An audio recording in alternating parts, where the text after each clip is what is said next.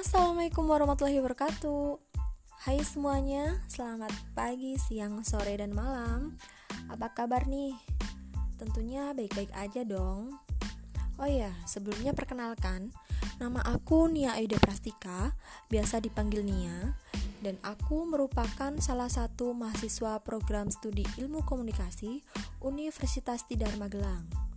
Hmm, for your information aja nih ya guys, kalau podcast ini tuh ditunjukkan untuk memenuhi ujian akhir semester genap tahun 2019 garing 2020 mata kuliah jurnalisme online dengan pengampu yaitu Mas Jaduk Pembayun SIKOM MIKOM.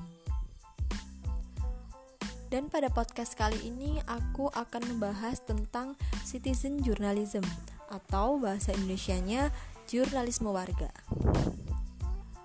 Tak dipungkiri bahwa kehadiran internet yang begitu pesat melahirkan fenomena baru dalam dunia jurnalistik, yaitu citizen journalism, yang dalam bahasa Indonesianya sendiri diartikan sebagai jurnalisme warga.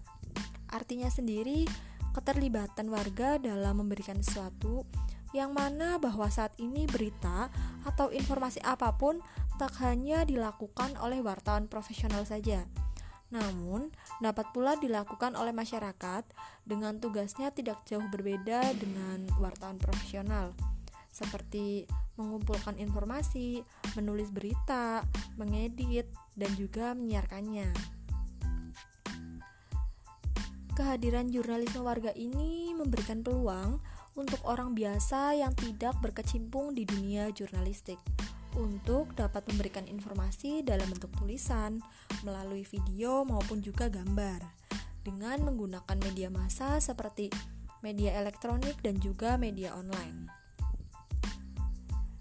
Bentuk-bentuk yang dapat dikategorikan sebagai citizen journalism apa aja sih um, contohnya yaitu seperti situs wiki artikel yang sumbernya terdapat beberapa pengalaman warga kolaborasi jurnalis profesional dengan non-jurnalis dalam laporan berita blog situs citizen journalism yang berdiri sendiri dan gabungan antara situs citizen journalism dengan situs media massa profesional. Tak ketinggalan juga, televisi sekarang telah memiliki tayangan khusus untuk jurnalisme warga, seperti program Citizen Journalism yang ada di Net TV dan juga Wetsuit yang di Metro TV. Dan untuk media online ada Kompasiana. Di Indonesia sendiri, um, jurnalisme warga ini mulai muncul atau viral, eh, bukan video yang terkenal yang berasal dari jurnalisme warga, yaitu ketika adanya video mengenai detik-detik tsunami yang ada di Aceh pada tahun 2004 yang mana dikirimkan ke stasiun televisi dan ditayangkan hingga semua masyarakat Indonesia dapat mengetahui detik-detik terjadinya tsunami tersebut. Dan sekarang banyak sekali berita-berita yang viral yang awalnya berasal dari jurnalisme warga. Seperti yang baru-baru ini terjadi yaitu video warga gerebek aparat desa yang sedang pesta miras yang dipublish oleh akun Facebook Minongi di Hotua Samu. Ada juga video yang viral yaitu guru adu jotos di depan murid-muridnya. Dan video itu tuh berasal dari um, orang yang sedang berada di tempat kejadian bukan berasal dari seorang jurnalisme profesional gitu jadi tak ada niat nggak ada niat gitu orang itu bakal mendokumentasikan kejadian itu gitu dan mungkin oh, karena orang itu tepat di kejadian itu jadi dia bisa menyebarkan um, berita berita yang ada gitu berita yang terjadi Terus ada juga video bocah penjual gorengan yang dibully. Kayaknya teman-teman sendiri juga tahu deh ya pemberitaan ini deh. Bocah itu tuh um, gemukan dan mendapat perlakuan kekerasan dari beberapa pemuda.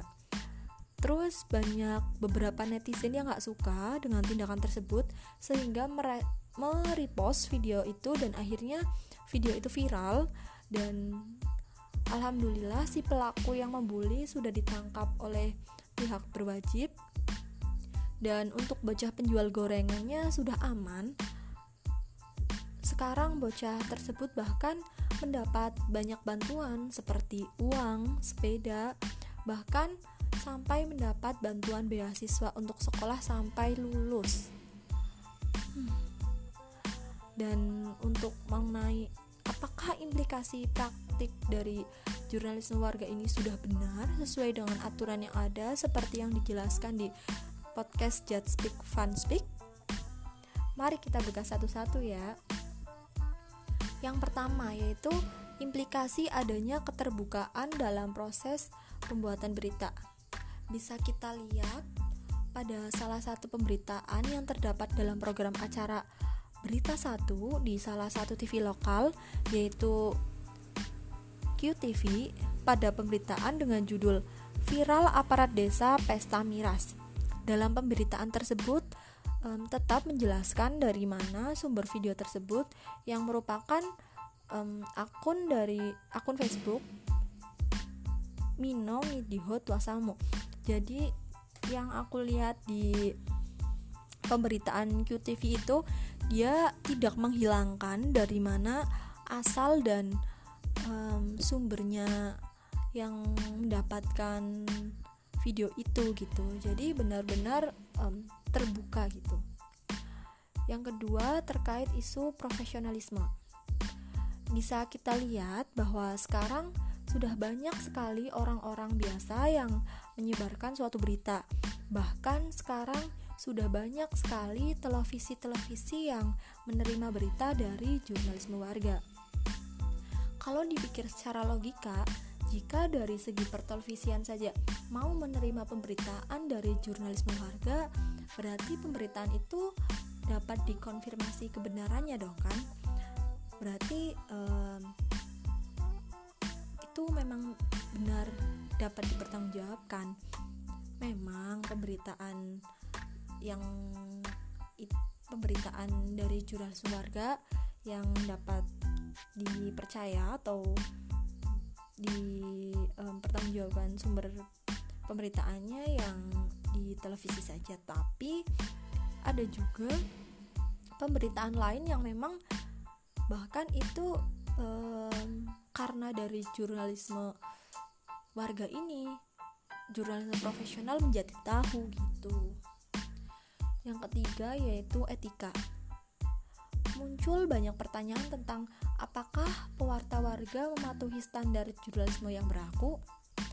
Untuk itu ada beberapa syarat um, untuk mendukung kuatnya berita tersebut. Seperti dengan adanya pihak ketiga yang melihat kejadian tersebut.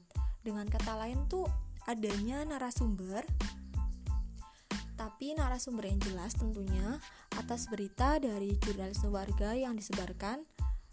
Jadi berita tersebut tuh tetap ada fakta dan sumber yang jelas gitu.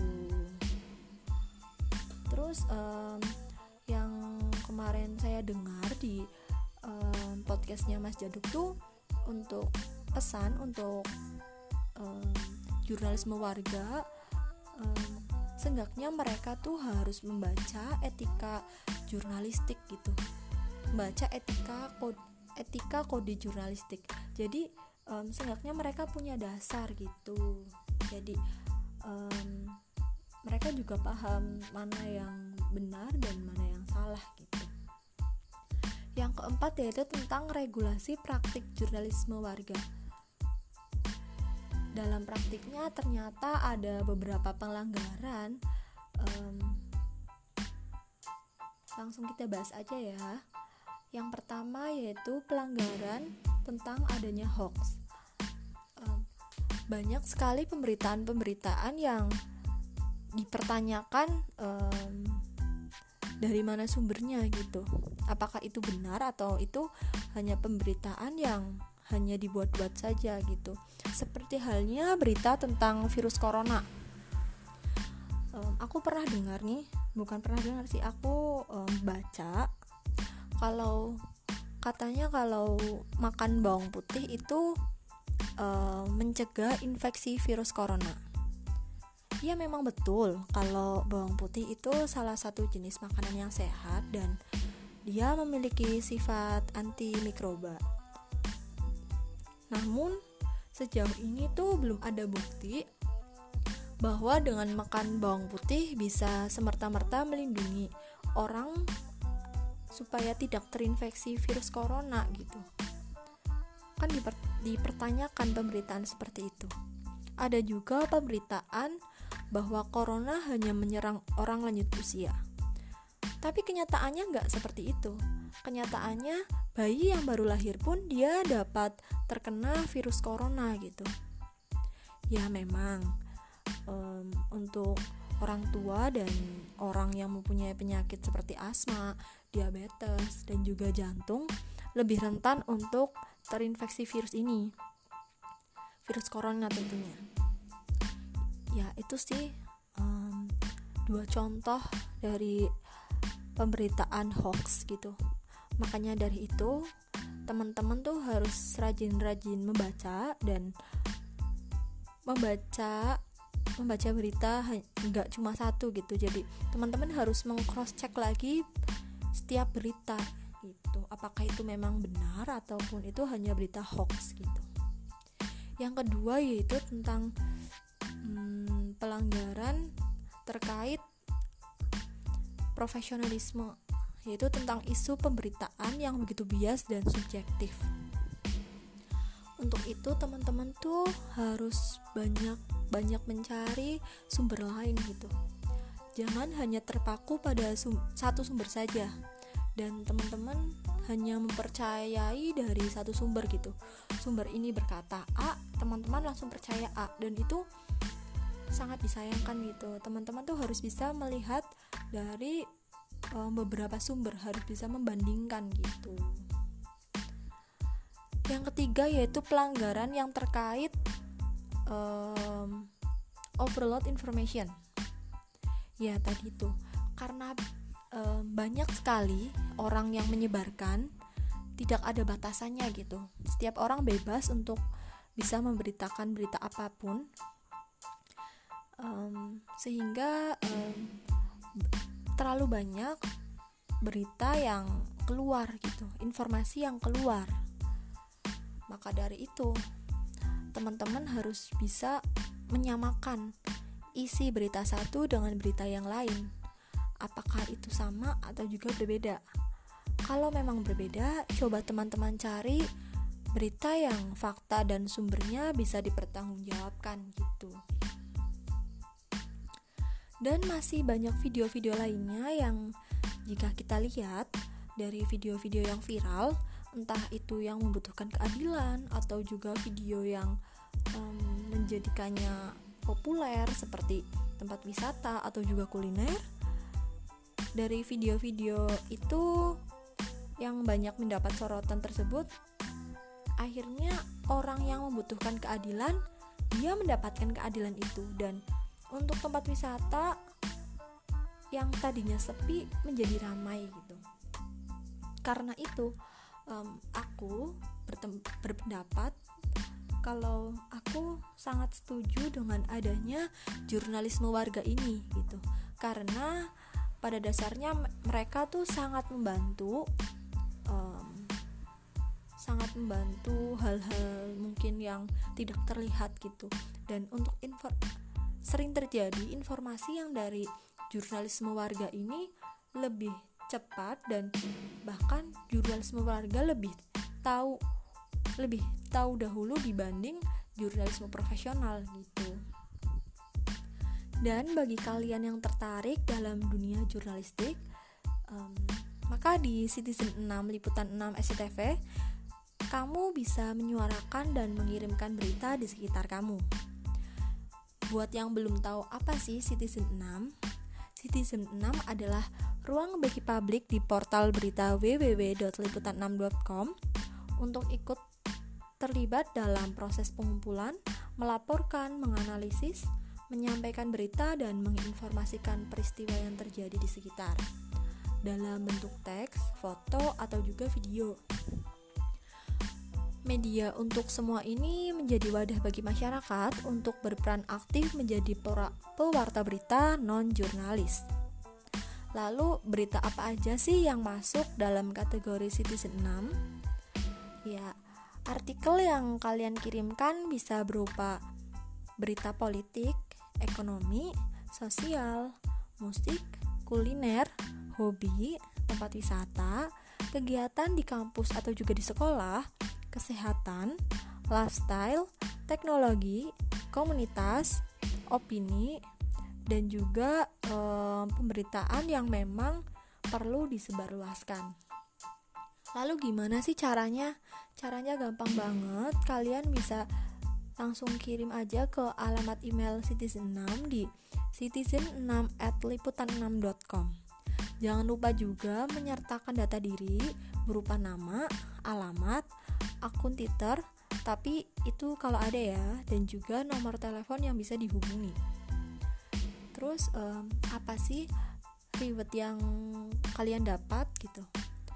Dari artikel yang teman-teman kirimkan, apabila menarik, unik dan juga aktual, mungkin aja nantinya bisa menjadi headline dalam portal berita liputan6.com atau juga bisa ditayangkan di program berita liputan 6 SCTV gitu. Selain itu juga um, kalau untuk aku sendiri sih kalau aku bisa menyebarkan berita yang memang itu bermanfaat untuk orang lain itu suatu kebanggaan buat aku sendiri gitu. Dan untuk kalian jangan ragu untuk menjadi seorang jurnalisme warga.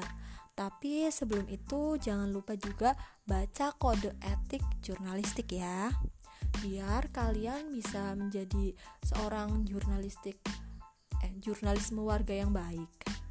Jadi kalian benar-benar memberitakan berita baik, diberitakan baik, yang salah juga diberitakan salah. Jangan sampai um, yang pemberitaan hoax menjadi pemberitaan yang bahkan itu dipercaya oleh orang banyak gitu. Jadi sekian aja pembahasan tentang citizen journalism. Terima kasih buat teman-teman yang udah mau dengerin podcastnya aku dari awal sampai akhir. Terima kasih dan wassalamualaikum warahmatullahi wabarakatuh